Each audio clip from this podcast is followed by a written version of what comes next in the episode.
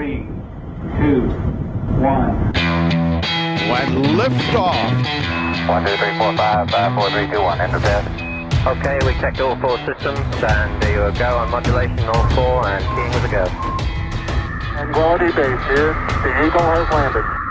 Jeg kjenner, Eirik, at det er så godt eh, å, å være i gang igjen og være tilbake. Hei, kjære romkapsellytter. Det det er så fint å kunne snakke til deg igjen, selv om jeg egentlig bare snakker inn i en mikrofon og ser på Eirik Newth som sitter på andre siden av bordet. Ja, nei, men jeg tenker akkurat det samme, og ikke minst med tanke på igjen, altså alt dette Vi har fått så mye henvendelser. Det er, vi får mailer, Facebook-kommentarer, kommentarer på, til og med på YouTube, som ikke så vidt har begynt med Instagram. Um, det er kjempehyggelig, og vi føler jo at, at, at dere hører på oss. Og så er vi jo også litt opptatt av å høre på dere. For dere har mange spørsmål. Det er ikke rart, fordi verdensrommet er et eneste stort spørsmål, er det ikke det, Nils Johan? Det er jo det. Et stort, stort, svart vakuum av ingenting og spørsmål som man mer eller mindre kan få vondt i hodet av. eller. Q kosmisk angst, men ja. Og så begynte vi eh, altså skal man si, Vi kan si det litt sånn at eh, NASA forserte oss lite grann og gjorde det sånn at vi på en måte tjuvstarta, la oss kalle det sensommer, høstsesongen 2020 lite grann eh, forrige gang. Eh, fordi da var det eh, launch, eh, oppskytning av eh, Perseverance. Eh, og noe må vi jo gjøre i ventetida mens vi på en måte venter på at eh, den skal eh, komme fram til eh, Mars. Og derfor sitter vi her, og i dag så er vi opptatt av å høre på deg, kjære lytter. Ja, det er vi. Rett og slett i den tiden som er gått siden vi produserte vår siste episode før sommeren, mm. så har det, har det falt inn masse gode spørsmål. Vi har bare tatt et utvalg. Eh, en, noen av spørsmålene, eller flere av spørsmålene, tre eller fire, tror jeg faktisk kommer til å bli til rene episoder. For det er sånn sånn, jeg vet hva, vi kan ikke bare svare på fem minutter. Vi må, vi må, vi må bable i vei en time om dette. Så, så hvis spørsmålet ditt ikke er her, så kan jeg si at eh, det er meget sannsynlig at du kommer eh, til en podkast nær deg i nær fremtid. Vi er, vi er, vi er samvittighetsfulle når det, når det gjelder det der, der å, å ta, svare på ting Vi tar dere på alvor. Ok, ok, vær hilset. Da har jeg endelig kommet meg gjennom alle episoder og er a jour. Det er veldig hyggelig eh, at eh, folk har binga uh, Det er Paul for øvrig som sier dette her. Paul sier det. Ja. Eh, til og med Konspirasjonspodden-episoden. Det var da du var gjest, og du hadde altså som munndiaré. Eirik, eh, mer enn vanlig nesten. Var det fordi du er lei av å snakke med meg? Du syntes det var hyggelig å snakke med andre folk? Og komme i et annet studio? Jeg tror det var fordi at jeg hadde mast for dem ganske lenge. Oh, ja. jeg, hadde, jeg hadde liksom sånn, det er liksom sånn du, Ja. Mm. du, du sjekker opp noen i måneder, og så plutselig sier de ja. Da prater i hvert fall jeg fort. og, og det er sånn Q mitt uh, kjærlighetsliv, ikke sant. Ja, ja, ja, ja. Og da setter vi strek for akkurat den der, tenker jeg. Ja, too much Eh, information. dere har en veldig bra podkast. Sånn, da var det unnagjort. De som kjenner meg, vil kommentere. Herregud, sa Pål at det var veldig bra. Er du klar over hvor bra det er når Pål sier det, eller? Eh, Så til spørsmål som jeg tror kan være interessant for flere. Hvordan definerer man hastigheten til et, i parentes, menneskeskapt objekt i verdensrommet? For hastighet er jo relativt til et eller annet. Ja. Det må Ja. du svare på, for jeg vet ikke. Han har, og, og, og Pål er innom flere gode eksempler her på liksom som hvor dette blir litt komplisert. Som eksempel hvis man skal til månen. Eh, Hvilken hastighet er det man måler da? Altså Man, man sier jo f.eks. at eh, Saturn 5-raketten hadde en fart. Ja, forhold til hva da? Og det er jo et innmari godt spørsmål, rett og slett fordi i verdensrommet så er jo Alt er jo egentlig i bevegelse hele tiden. Det er det jo.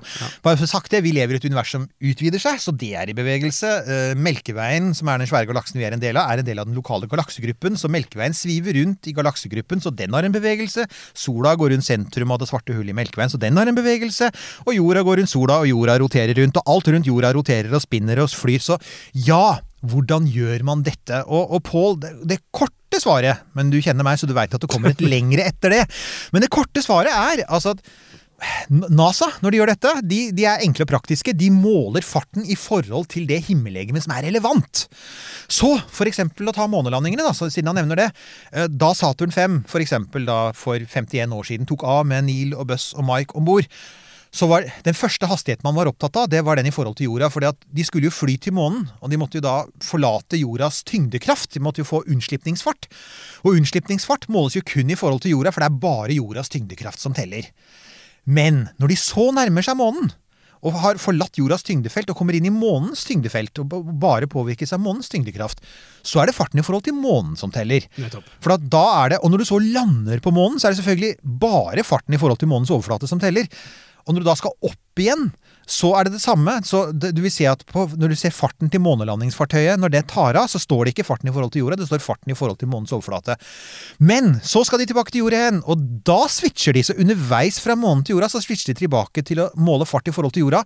Fordi da Apollo skulle Altså da de kom tilbake, de var jo i en romkapsel. Og den romkapselen hadde et varmeskjold, og jo fortere du flyr, jo varmere blir det. Og hvis de fløy for fort, så ville faktisk Apollo brenne opp, så da var jo farten i forhold til jorda utrolig viktig. Så da var det bare den. Så det er det enkle sv- Nei, det var det litt, det var det litt lengre svaret. Ja, ok. Nei, men eh, fair enough. Eh, Så det er jo den praktiske måten å gjøre det på. Det er i forhold til det som i forhold, nesten sånn i forhold til det som man er nærmest eller eh, på vei til, da. Eh, Ja, det er det. Og, det, og det, Eller dette fra. ser man overalt. ikke sant? For eksempel nå, eh, vi, vi forrige sending så var vi veldig opptatt av tre romsonder som flyr av gårde til Mars. Vel igjen, eh, du kunne faktisk se farten. Vi har jo lagt ut eh, eh, Altså, når, når dette sendes, så ligger YouTube så ligger på YouTube på, på min private YouTube-konto, da, så du får bare søke opp navnet mitt. Der ligger hele livestreamen ute. Og da vil du kunne se at NASA har lært av SpaceX, og nå er de flinke til å sette opp sånn Altså Sendingene deres er blitt mye mer lekre, og en av de tingene du da kan se, det er fart. Hvor raskt raketten som flyr til Mars, flyr. Det er farten i forhold til jorda. Det vil si, det er i forhold til jordas sentrum akkurat det er litt viktig. fordi at jordas overflate den beveger seg også fordi jorda roterer. Ikke selvfølgelig. Ok, det er ikke selvfølgelig det er helt sant. Nei, ja, ja. Men, men altså, det vil jo men Her er det noe av problemet, da. Eh, hvis du skyter opp ved ekvator, så er det så Altså siden jorda roterer på 24 timer, så kan du si at, at hvis du står på Nordpolen, så er det jo ingen rotasjon i det hele tatt. Det vil si, det er ingen fart i det hele tatt, for da er liksom farten lik null. På ekvator er den maks, for da sviver du rundt ekvator. Så du kan ikke altså, Så farten i forhold til jordskorpa, den er ikke interessant i forhold til romskip. Uh, Så det er i forhold til jordas sentrum man måler det. Og grunnen til det er at han kommer inn på det, for Pål han prøver å være luring. Sen sentrum av, av kula, liksom? Ja, Innerst eh, innerst i ja, innerst i jorda. Oh, ja. Eh. Og grunnen er det, for han sier sånn Selvkverulerende bonusspørsmål. Selvkverulerende. Ja. Pål, du er en av oss, bare innrøm det. Nerd! Hva er hastigheten til en geostasjonær satellitt? Og han sier her ble det mye i forhold til, men jeg tror det er korrekt brukt. Jeg har ikke googlet for å finne svaret på mitt mine spørsmål selv. Mer interessant å få det fra dere først, og du får det her, Pål. Hva er hastigheten til en geostasjonær satellitt? Hva som helst. Vi kan google det for deg. Ja, hva som helst. Ja, ok, men geostasjonær satellitt. Ja, altså hvis, for, hvis Er det da Ja, altså hvis du har, hvis du har satellitt-TV hjemme, ikke sant? Eh, det er vel fremdeles noen som har det. Ja, det, har det er jo det. mange. Jeg vet det er mange har switcha til kabel, men det er fremdeles folk som har det. Så peker jo den antenna ett sted. Den peker, altså den peker samme, eh, mot samme sted på himmelen, og det er fordi at geostasjonære satellitter de står stille over samme punkt på jorda, fordi at de står 36 000 km over bakken, og der bruker en satellitt 1, 24 timer på å gå rundt jorda.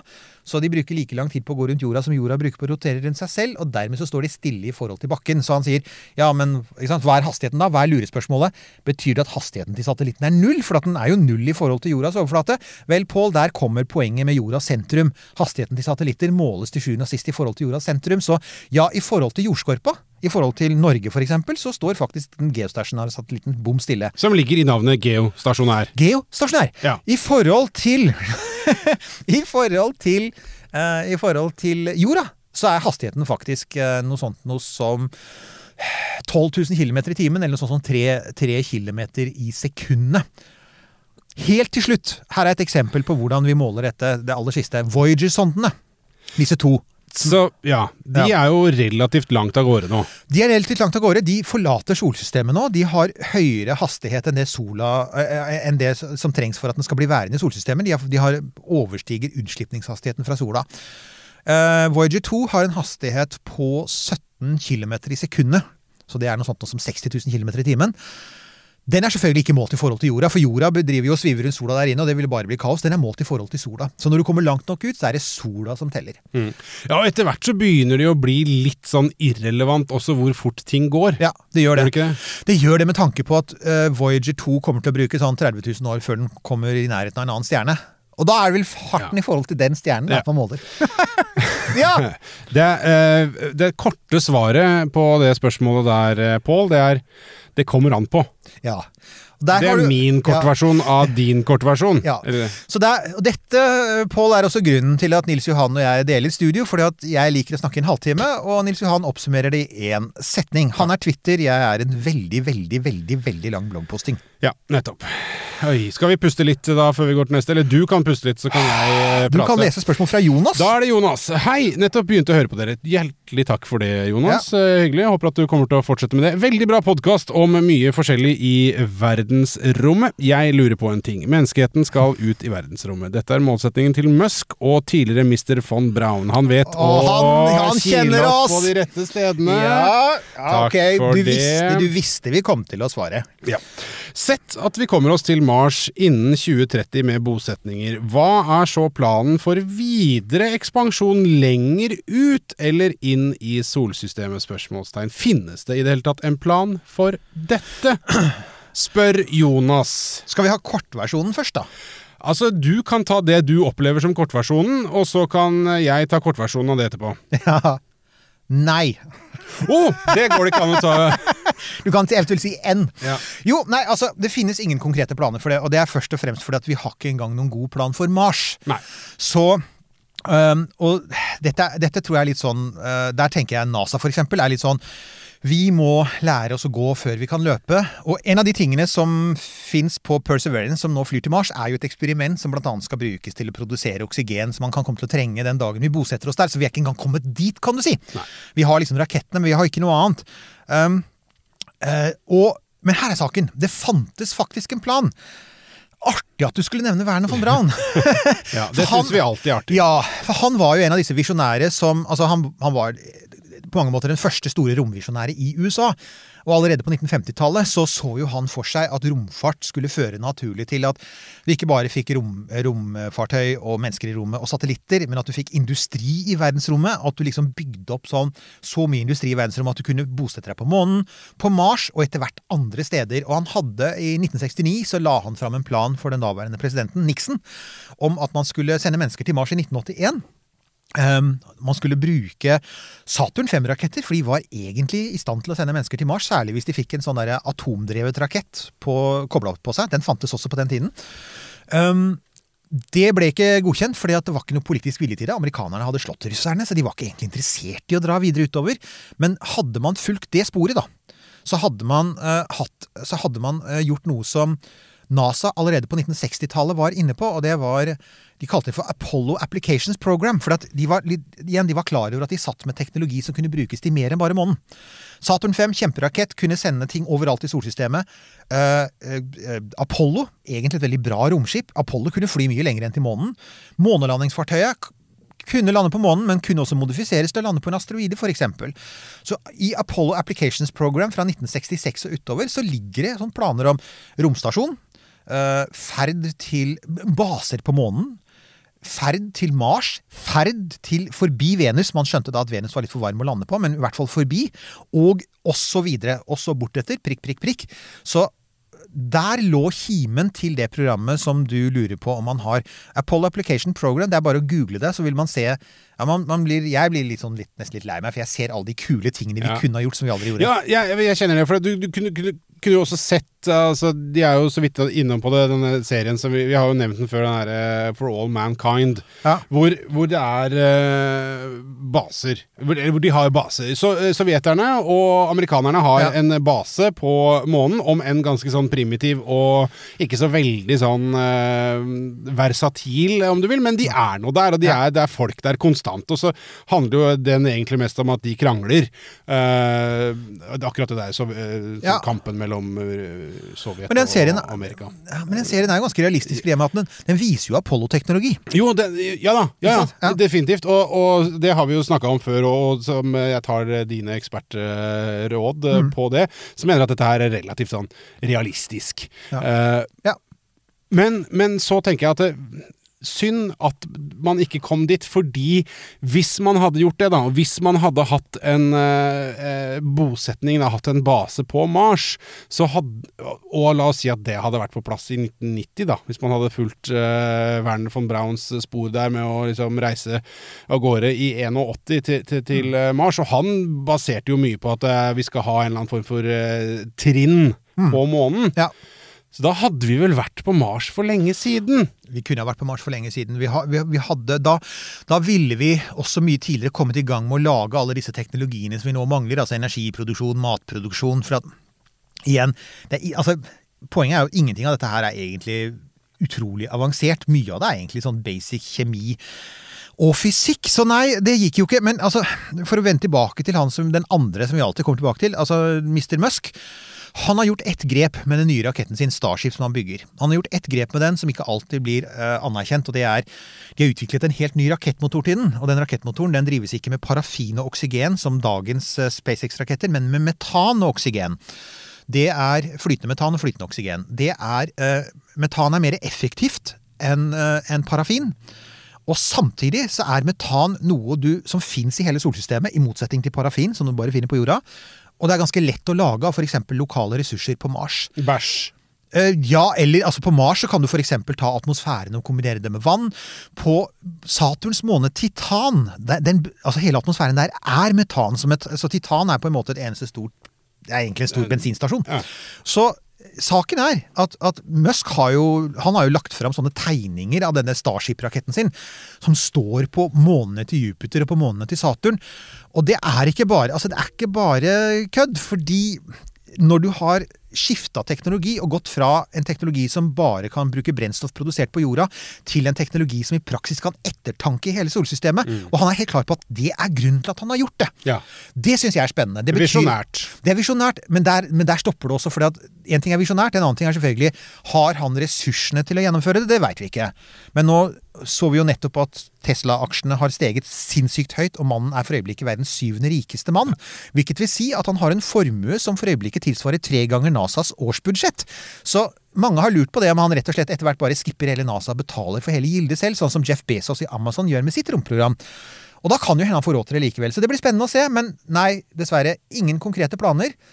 Men det fins en ny visjonær der ute. Det gjør det. Og det blir jo spennende å følge med på han gjør, som alltid.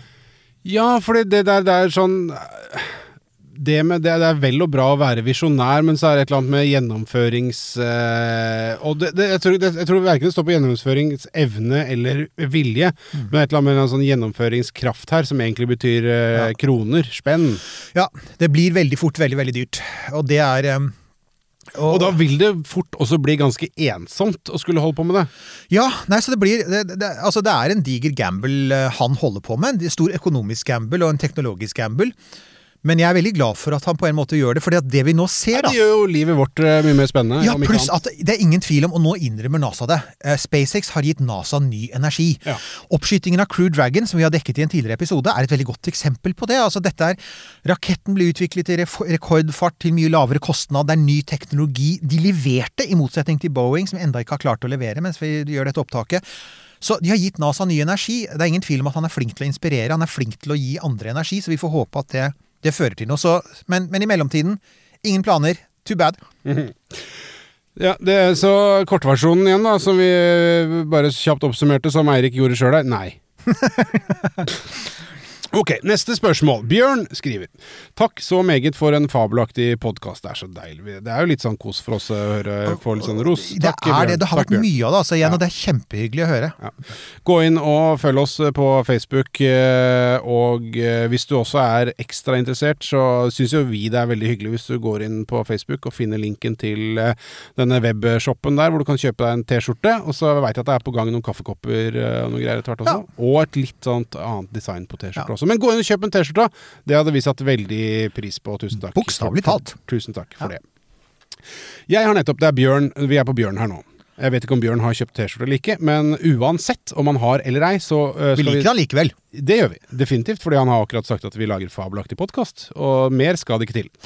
Jeg har nettopp oppdaget disse vanvittig interessante Se, han fortsetter. Hæ, det kommer det. Uh, og episodene. Fordelen med å oppdage noe litt sent er at det er timevis med lytting som jeg kan høre på non stop. Smilefjes. Har ikke fått hørt alle episodene ennå, så jeg tillater meg å spørre om dere har hatt en han, Kanskje han har hørt eh, alle nå, og da vet han svaret. At vi Nei, vi har ikke hatt en podkast som inneholder noe om Chuck Yeager. Vi har vel så vidt nevnt han.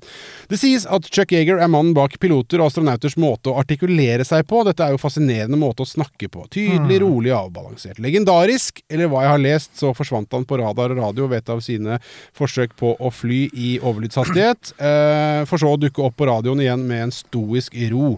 Har dere hatt noe om Chuck Yeager? Nei. Det var kortsvaret. Nei. nevnt Men selvfølgelig, vi har nevnt han så vidt. Men når det er sagt, da, så er det så Jeg skjønner godt hvorfor han spør. For det er klart, Chuck Yeager er en legende. Han er jo det. Ehm, han er 97 nå, han er fremdeles aktiv på Twitter, så hvis dere har lyst til å finne ut hva Han legger ut minner, som for eksempel for noen uker siden så la han ut sånn Ja, jeg husker veldig godt i 1948 så møter jeg Orville Wright. Altså en av Wright-brødrene. Det var sånn Ok, greit. Jeg følger en på Twitter som snakket med brødrene Wright. Ok, Føler man seg gammel eller ikke? Eh, han, altså Poenget er Chuck Yeagers claim to fame er jo hovedsakelig selvfølgelig for folk flest at han gjennomførte den første bemannede ferden eh, med, i overlydsfart Ja. Med rakettflyet Bell X1 i 1947. Her bør det nevnes at uh, vår venn Werner og hans rakett V2 selvfølgelig brøt lyduren mange, mange, mange ganger lenge før dette. Men da var det ikke folk. Men da var det ikke folk, så det er første bemannet. Og det er klart det var en utrolig risikabel ferd, og han måtte ha nerver av stål, og han døde ofte mange ganger. Ehm, nesten. Nesten. Han døde ofte mange ganger, han. Ikke bare hadde han altså muligheten til å komme tilbake til liv, men nå syns jeg du glorifiserer Chuck La, Yeager litt. grann ja, ok, jeg er en fordi- fan av Chuck Yeager, men det var kanskje Ja, litt hardt i. Fordi det er lov å være fan av Chuck Yeager, kan jeg bare få lov til å skyte inn at han var jo en jævla rasist i tillegg. Ja, Han var også en Eh, rasist. Det har dukket opp i ettertid at han har eh, han behandlet bl.a. blant annet under treningen av svarte amerikanske astronauter. Ja. kommet sterke, eh, sterke historier om hvordan han var.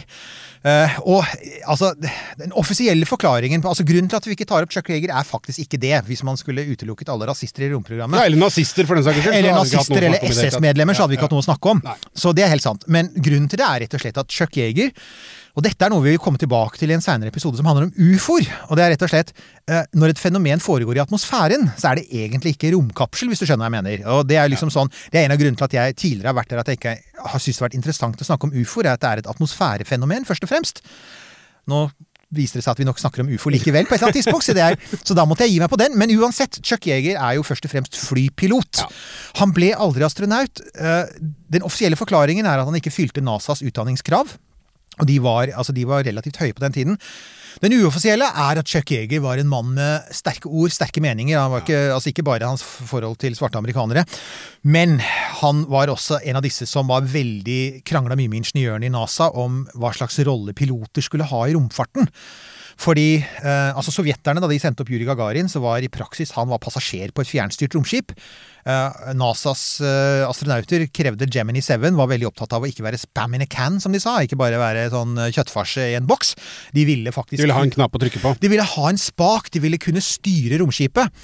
Um, og han, han, måten han eh, handle, Måten han takla det på, er visstnok en av mange grunner til at han, at han også falt ut. Og, og så var han og det, skal til med, det er til og med blitt sagt at han flere opplevde at han var litt sånn arrogant på astronauters vegne. Han syntes piloter var ekte mannfolk, og ja, astronauter altså, var ja, ja. Ja. Ja, Hva for eh, akademikere? Men så Men- skal det jo sies også at han er jo ikke den første som kanskje har eh, møtt litt problem pga. hva han har ment og hvordan han har oppført seg, eh, med tanke på hva slags posisjon man har endt opp med å få i romprogrammet. Buzz Aldrin Ja. var jo også der, har vi lært i en tidligere episode av Romkapsel, at eh, var det ikke sånn, Han var vel tiltenkt som førstemann ut eh, på måneoverflaten, men fordi at eh, egentlig alle eh, på bakken syntes at han var en dritt, så Ja, fikk han ikke den øhm, eh, rollen. Han var også helt klart løs kanon på dekk, og det var en av grunnene til at NASA valgte en fyr som til de grader ikke var det. Altså Ja, Neil Armstrong er alt annet enn løs kanon på dekk.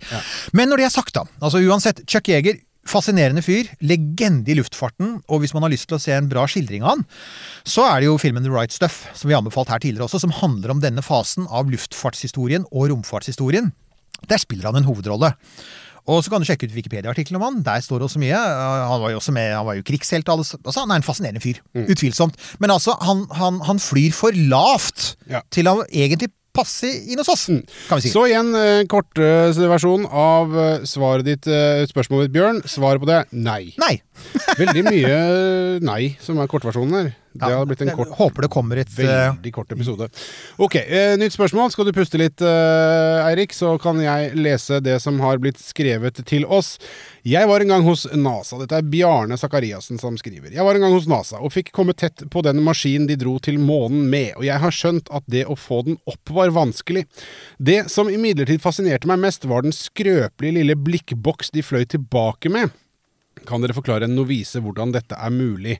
Uh, og ja, Uh, hvis du ser på For jeg har sittet da i en sånn kopi av Gemini-kapselen på i i Florida. Cape uh, Kennedy Space Center Visitors Complex står det på kjøleskapsmagneten jeg kjøpte derfra.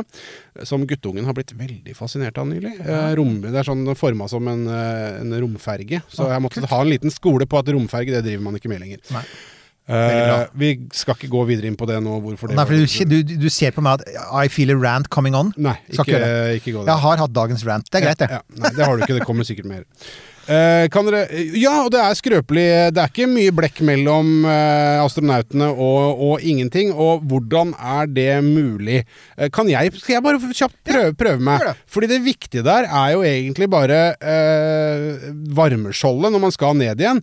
For det vi vet, er jo det at ethvert romskip, og det er ikke bare det man dro til månen med, men det er jo det som man er oppe med nå også, er at hvis det blir truffet av en liten uh, meteoritt eller et eller annet sånt noe, så er det Da er man fucked, altså. For det er tynt. Det er, det er veldig tynt. Og de har jo snakka om å ha oppblåsbare ja. moduler osv. også. Det er, da er du fucked hvis du blir truffet av en stein som kommer det det, altså. veldig fort. Månelandingsfartøyet var jo så lite og så lett og så tynt at uh, altså, måne, månefarerne var jo redde for å slå hull med f.eks. en skrutrekker altså gjennom, gjennom veggen. For det var, altså, det var ikke aluminiumsfolie, men det var veldig tynne lag med aluminium. Og det er faktisk noe av svaret til deg, Bjørne, er rett og slett nettopp at den var liten og skrøpelig. For at, altså, igjen, vekt er veldig viktig i romfart. Du vil ha ting så lette som mulig, fordi at jo mer brennstoff du har med deg, jo tyngre blir det, og desto mer brennstoff må du bære. Som andre ord, så når du kan kutte på vekta til det du bærer på, så kutter du også drastisk i hvor mye brennstoff du trenger å ha med deg. Um, så det er det ene, selvfølgelig, at den var veldig lett. Det andre, og det er en sånn ting som folk ofte uh, og Det er en ting som også av og til folk spør om, er dette Hadde de ikke bare én rakettmotor på månelandingsfartøyet? Det er helt riktig, de hadde bare én. Og den var aldri testet før, uh, så man visste jo ikke om den ville fungere. Men den var lagd på en Den, den brukte den, Det var en ekstremt enkel konstruksjon. Den brukte brukte bl.a. en type brennstoff som er selvantennende når du kombinerer dem, så du trenger ingen tennplugg, for faktum er at vanlige raketter trenger en tennplugg. Og alle som har kjørt gammeldagse biler, vet at tennplugger faktisk kan svikte. Så ved å ta vekk tennpluggen, så tok du vekk det. Alt du trenger å gjøre, er liksom å få brennstoff inn i brennkammeret, og så begynner den å fyre. Så da hadde du en, en mye sikrere rakettmotor. Og det Du vet at de bruker tennplugger i moderne biler og Eirik? Jeg er bare opptatt av elbiler. Jeg. Ja, ok. Ja. Men jeg tenker på sånn eh, Dagens tennplugger er jo elektroniske. altså De er jo bedre. Altså, men, Jo, jo. sant, Gammeldagse tennplugger var jo altså, og, altså, det, er, det er rart å tenke på, men du trenger faktisk en gnist for å få i gang brennstoffet For å sette i gang brennstoffet i, i brennkammeret i en rakett. Og det er jo ofte man ikke tenker på. Og det er bare litt morsomt, for at jeg så Apollo 13, eh, deler av den eh, gikk på TV her veldig seint for ikke så lenge siden. Ja. Og så jeg den, og da, det var jo da, når de skulle korrigere litt eh, på en, en eh, kurs der for å, eh, på vei tilbake etter at det hadde gått så fryktelig galt, så var det jo en viss grad av, eller en ganske stor grad av spenning Ja. knytta til om den raketten på eh, The Lunar Module der, om den i det hele tatt ville tenne fordi den hadde vært eh, så veldig, veldig kald så veldig, veldig lenge. Ikke sant? Det er akkurat det. Så den typen brennstoff som man da bruker, det kalles for hypergolisk brennstoff. kalles det, og Et av de, dem er hydrasin, som er veldig giftig. Eh, kineserne bruker det faktisk i mange av rakettene sine, og kineserne er jo i den situasjonen at når de skyter opp raketter, så slipper de førstetrinnet ned på kinesiske landsbyer, og de førstetrinnene inneholder ofte hydrasin, så kinesiske bønder kan oppleve å få en giftig rakett dalende i huet. Men, eh, men ja, for å komme tilbake til poenget, da, Ja. som selvfølgelig aldri er vårt problem. Um, den tredje tingen de hadde som fikk dem opp fra månen, og som gjorde det tryggere, og særlig de første månefarerne, det var nettopp han forannevnte Buzz Aldrin. Buzz Aldrin var jo Man var ganske sikre på at Buzz Aldrin måtte til først, være en av de første til å dra til månen. Rett og slett fordi at han var USAs, en av USAs første eksperter på rendezvous, eller møte i rommet. Det, altså Ja. når to romskip møtes. Og, og dette med at romskipet skal møtes i rommet, det var man jo veldig usikker på om man ville få til da Kennedy sa at vi skulle dra til månen. For det, man visste ikke helt hvordan man skulle gjøre det. Og så utviklet man denne vitenskapen på 60-tallet, og i 1965 så koblet to Gemini-romskip seg sammen for første gang. Og, og, og Buzz Aldrin tok faktisk doktorgraden på rendezvous i rommet, og det man fant ut var at Oppskytingen av månelandingsfartøyet eh, for å eh, skytes opp til Apollo-kapselen for at de skulle møtes og så dra tilbake til jorda, skjedde jo på automatikk. Men hvis automatikken sviktet, så hadde du Buzz Aldrin som backup, verdens fremste ekspert på rendezvous. Og da tenker man at ok, er det, er det skikkelig ille, så bommer vi på denne, så kan vi la det gå en time, og så prøver vi en gang til, og da lar vi Buzz Aldrin ta kontrollen.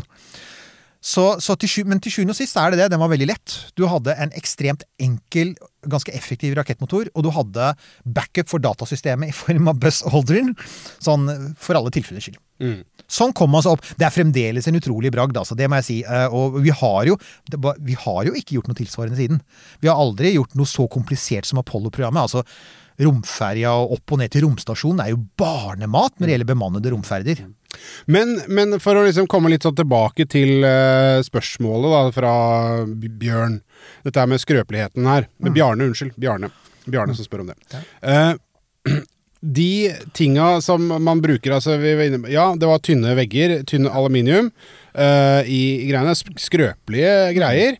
Og så vet vi jo også at for eksempel romferga. Eh, det varmeskjoldet der, som jo har vist seg å være ganske fatalt eh, når det har gått gærent.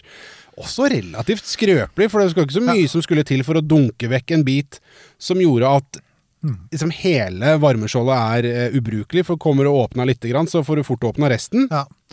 Det var et kjempeproblem med den modellen. og Det er også grunnen til at jeg tror det er, jeg tror det er ganske stor enighet om at den typen varmeskjold den går man nok aldri tilbake til.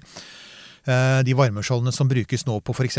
Crew Dragon og Boeing Starliner, eh, disse to nye amerikanske romkapslene, det er faktisk sånne litt mer sånn gammeldags teknologi igjen. Eh, Det er et sånn Harpix-basert materiale, tror jeg det er, som, eh, som SpaceX bruker. Og det er altså da Det er et uh, organisk materiale som ikke er metall, men som er, me- og som er ment å svise av når du går ned gjennom atmosfæren. Uh, og som er, Det er et ganske tjukt lag med materiale som da kan svise av, så de har ganske mye å gå på. Men ja, det regnes som mye tryggere. Og faktisk, når vi, når vi tar opp uh, dette, så er det, er det to dager igjen til de to første Altså, eller, altså um, Bob Benken og Doug Hurley. Ja. De to som ble skutt opp med Crew Dragon, som vi da dekket i en tidligere episode, eh, de skal ned til jorda igjen. Og da får man testet det varmeskjoldet. Det vil si, man har jo testet det fordi de har sendt opp masse Dragon-kapsler, så det er jo de, det er velkjent teknologi. Men det er ingen som er bekymret for selve varmeskjoldet, for at det den typen varmeskjold har aldri sviktet, så vidt jeg vet. Uh, mens romferjevarmeskjoldet var ekstremt sårbart. Så det, det, det ja. Du, Der kom det en romferjerant. Ja, ja, ja, ja. Sorry. Men hva er du du la til den? Ja, ja, sorry. Jeg er fri. Ja. Ja, det skal ikke, skal ikke så mye til. Eh, En liten tennplugg, så får du fyre drivstofftanken. Hvis på dere er nye lyttere her på bruket, bare si at jeg er ingen fan av romferja. Jeg er glad den er parkert. Ja. Ja. Du, jeg bare en liten sånn greie, artig ting som jeg kom på her. Når du nevnte Døgenbøb. Ja. eh, Kona til han eh, ene Ja. Er det, er det eh, Bob? Eh, Bob Benken, ja. skal jo også opp eh, i, med Crew Dragon. Ja, og så hadde, så var det VG som hadde hatt en sånn astronautfrue skal opp i rommet, og så tenker Ja. du ja, men unnskyld, han er ikke influenser. Det er ikke pilotfrue, vi snakker om er fotballfrue. Hun er astronaut, VG! Skjerp Det dere litt! Synes jeg det er jo litt morsomt. Det er kjempemorsomt, men det er jo, altså, det, det er jo ikke første gang. Eh, Det er flere astronauter som har, har gifta seg med hverandre. Nå husker jeg ikke, altså Det er to russere, og det er flere amerikanere. Nå har jeg ikke det i hodet. Å, så var det det dramaet med den der, Det Åh. triangelet med Det var jo ordentlig Coco Bananas. eh, Du vet at det er den. Altså, kjære lyttere, dere får, dere får eventuelt, nå skal dere få et spørsmål fra oss. En av våre lyttere sa dere kunne ikke lage en sånn krim i verdensrommet-episode og ta utgangspunkt i den.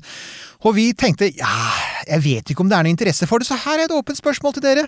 Gå inn på Facebook og si ja eller nei. Vil, vil dere ha en krim i verdensepisode med hun det var, var det ikke noe bleie involvert? Jo, det var noe Hun kjørte bleie. Ja. Er, ja, hun hadde tatt på seg bleie for hun skulle kjøre så langt, og så Ja. bare sitte i bilen og hun, fordi hun måtte nå fram til Ja. Det var en sånn hevngjerrighet som var altså helt hinsides. Hevngjerrig astronaut med bleie. Vi kan, vi kan Og så var, det, så var det vel en som var hacket om bord i romstasjonen. Så jo, vi, vi kan det, men vet du hva, det overlater vi litt til dere. For nå har vi hatt én som sa det, men jeg vil gjerne ha litt mer støtte på det. Så, så gå inn på Facebook, eller gå inn på Twitter, eller gå inn på bloggen og si ja, Det er vi en selvtillit på det nivået der som er like tjukt som eh, aluminiumet på Apollo-kapslene. Ok, eh, nytt spørsmål, eller? Ja, vi tar, Ja. vi tar ett til. Et kort eh, spørsmål. Skal vi se hva kortversjonen på det blir. Svar, i hvert fall. Uh, Fykerønn Ja. på YouTube. Dersom vi satte et stort speil langt ute i verdensrommet, litt sånn som du har gjort eh, på Rjukan, Ja. kunne vi da sett tilbake i tid på jorda?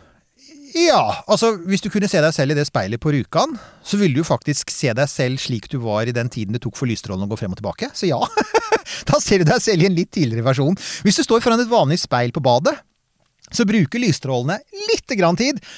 De går 300 000 km i sekundet. 300 millioner meter i sekundet. Så det er, hvis du står en meter unna, så er det Ja, dere kan det, det, Jeg overlater til dere å gjøre det regnestykket, for at alle dere er veldig gode i matte, det veit jeg. Så uansett. Eh, ja, egentlig. Altså tenk deg at du har et Artig at vi fikk en kortversjon der som var, hvor svaret var ja. ja, ikke sant? For en gangs skyld. For det er litt hyggelig å være litt positiv. Eh, altså, tenk deg Alfa Kentauri, nærmeste stjernefamilien, tre stjerner. Cirka fire lysår unna. Eh, når lyset fra jorda eh, Altså, tenk meg vi plasserer et stort speil der, da. Jeg tror det var et innmari stort speil. Men ok, anta det. Altså, anta at vi har alle pengene til Jeff Bezos, alle pengene til Elon Musk, alle pengene til Bill Gates, og så tar vi, kjøper et kjempespeil, og så skyver vi det ut dit. Når lyset fra jorda, og det er jorda vi gjerne vil se på, det er ikke vi skal se på sola slik den var i fortiden, vi vil se jorda, har gått ut i Alfa Kentauri og så blitt reflektert tilbake, så ser vi åtte år gammelt lys. For det er fire år fram og fire år tilbake. Så ja, hvis vi da fanger det opp, så er det jo det er åtte år gammelt lys. Åtte lysår. ja, for det det, er åtte, altså det er frem og tilbake åtte lysår, og Ja. da bruker lyset åtte år på å gå frem og tilbake. Ja. Så det vil si at det lyset vi da ser reflektert, det forlot jorda for åtte år siden. Fire år fram, fire år tilbake. Og hvis det speilet er stort nok og bra nok og skarpt nok, så burde det jo være mulig Kanskje vi kunne- til og med kunne se detaljer på roret. Jeg tror ikke vi kan se folk på jordas overflate, men anta at du kunne det, da. Det er, altså, Rent bortsett fra de, sånn, de tekniske utfordringene. Det må være veldig stort. Må være, vi må kunne skyve det til en annen stjerne. Det kan vi ennå ikke gjøre. Det er vel ikke først på lista over ting man tar med seg til en annen stjerne? Nei, altså jeg, jeg har, På min liste er det i hvert fall en eller to andre ting jeg helst ville gjort før det, men ok, anta at vi gjør det. så, så, men vet du, altså det er et kult tankeeksperiment. For at det er helt sant, du kan se tilbake i tiden ved hjelp av et sånt speil. Det er helt riktig. Og da vil du ikke Da vil du se da vil du observere det direkte. Du vil jo ikke observere hva vi husker eller hva vi har filmet. Du vil faktisk se, du vil se det i real time. Du får en real time feed av hva som skjedde for åtte år siden. Men selvfølgelig, du vil jo bare se ting som er Du vil bare se ting som er, har skjedd etter at du plasserte speilet der. Med andre ord, det er ting vi vet om. Det som hadde vært interessant, var om noen f.eks. hadde plassert et sånt speil der for, ja, si Ja Altså, som jo, 1000 lysår unna, da, så vi kunne se 2000 år tilbake i tid, ikke sant? Ja, ja, ja, Eller ja. 35 millioner lysår unna, så vi kunne se når dinosaurene døde. Altså, det hadde, men det måtte, da hadde det måttet vært sendt ut sånn at det var plassert for 30 Ja, nemlig. Så, så dessverre så gir det oss ikke så veldig mye praktisk. Men så kommer jeg til å tenke, det er jo noe ved det plottet som jeg tenkte, det, det er noe ved dette plottet som, minner, som er litt kjent. Og det er jo det. Det er jo da vi hadde vår filmspesial, som dere også må høre på. Og vi kommer tilbake med mer film etter hvert. Vi hadde jo en avlyst livesending. Ja. The Epic Movie Battle med, med Marianne Vinje Tantillo og Petter Bøckmann. Det hadde blitt så kult, og så kom Dere vet hva. Vi skal ikke, bøkke si noe mer om det. Uh, vi kommer tilbake til det.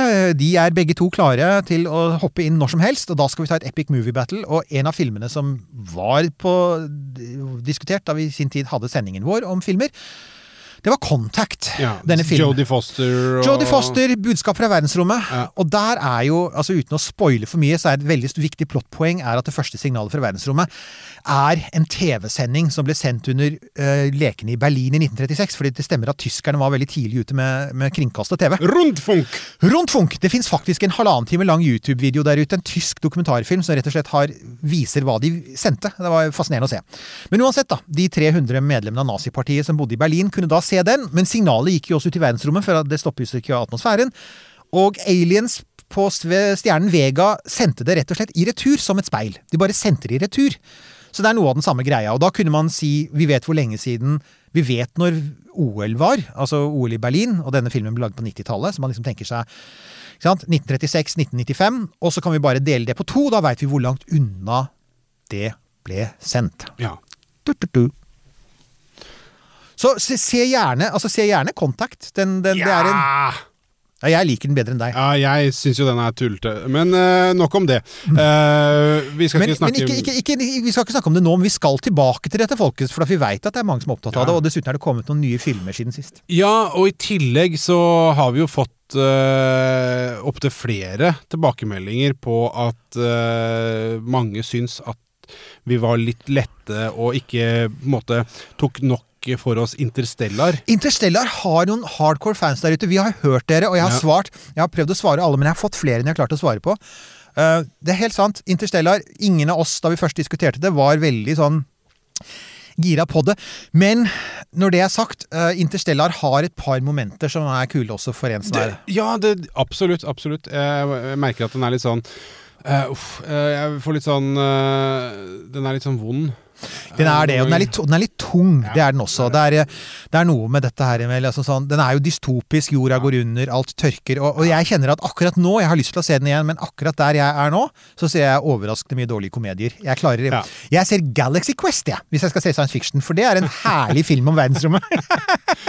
Ok, den okay. ser du. Men eh, jeg hadde egentlig ikke tenkt, eh, eller trodd, at vi skulle liksom ende opp der da, og snakke om Interstellar når vi begynte på en spørsmålsrunde fra lytterne. Men det, så- var jo så faktisk, det. men det er jo henvendelser fra lytterne, det òg. Ja, ja, så så, egentlig så er det helt, helt innafor. Og bare si at vi hører dere, og, og det fortsetter vi å gjøre. og med det så har vi tatt, og, tatt noen av spørsmålene vi har fått siden sist, og andre blir til egne sendinger. Bare fortsett å sende inn spørsmål. Vi, vi henter absolutt inspirasjon fra det. Det kommer selvfølgelig masse andre sendinger framover som rett og slett er ting vi har funnet på. Ja, og så vil det jo også komme ting eh, som er eh, melket ut av huet på folk som bruker mye tid på å tenke på veldig rare Ja. og ganske store ting. Eh, altså, jeg vil ikke si at han står og tripper uh, utafor døra, men det er rett rundt hjørnet nå, så kommer eh, Eh, Vår gode venn Kristoffer Schou eh, tilbake. Han har vært gjest i en tidligere episode. Han hadde så lyst til å være med igjen at vi tenkte ja, selvfølgelig. Kongen av podkast skal vi ha med igjen. Det skal vi. altså Helt klart. og altså, Dere har selvfølgelig hørt rekommandert. Hvis ikke dere har det, så sier jeg bare fy for en gangs skyld til våre lyttere. Men det, det, den står på lista. Eh, ja, han kommer, og vi skal tenke høyt. Sånn som vi gjorde i sin tid med da vi hadde den forrige sendingen med han, hvor vi annet hadde en fantastisk diskusjon om Umea Mua Mua Mea Mea. Den derre rare steinen som noen tror er et romskip, og noen tror er en romark. Men vi har ikke, det kommer vi aldri til å få vite, fordi Nei. den bare flyr sin vei. Vi, kommer, Ja. vi har ikke romskip som er raske nok til å ta den igjen, dessverre. Nei. Sånn er det. Det er eh, mange ting som vi ikke klarer å gjøre raskt nok. eh, Men eh, skal vi nå takke for oss for Da denne gang, og bare minne om at vi setter umåtelig pris på alle som sender inn spørsmål til oss på enten Facebook eller via nettsida romkapsel.no. Hvis du har lyst til å gå rundt og bevise på en måte for alle i dine omgivelser at dette du akkurat hører nå, er en fortreffelig flott podkast, så kan du gjøre det ved å gå inn på Facebook. Der finner du link eh, til eh, vår lille T-skjortebutikk. Eh, Kjøp en T-skjorte, det hadde vi satt pris på. Absolutt. Og jeg holder på. Jeg har begynt å se litt på andre jeg, Det er knapt noen annen podkast i Norge som har så kul logo som vår. Let's face it. Hvor mange podkaster har den logoen vår? Stikk og sjekk den, da! Og gå med den stolt. Og gå med den stolt. Snakkes! Snakkes! Denne Podkasten er produsert av Tid og. Lyst.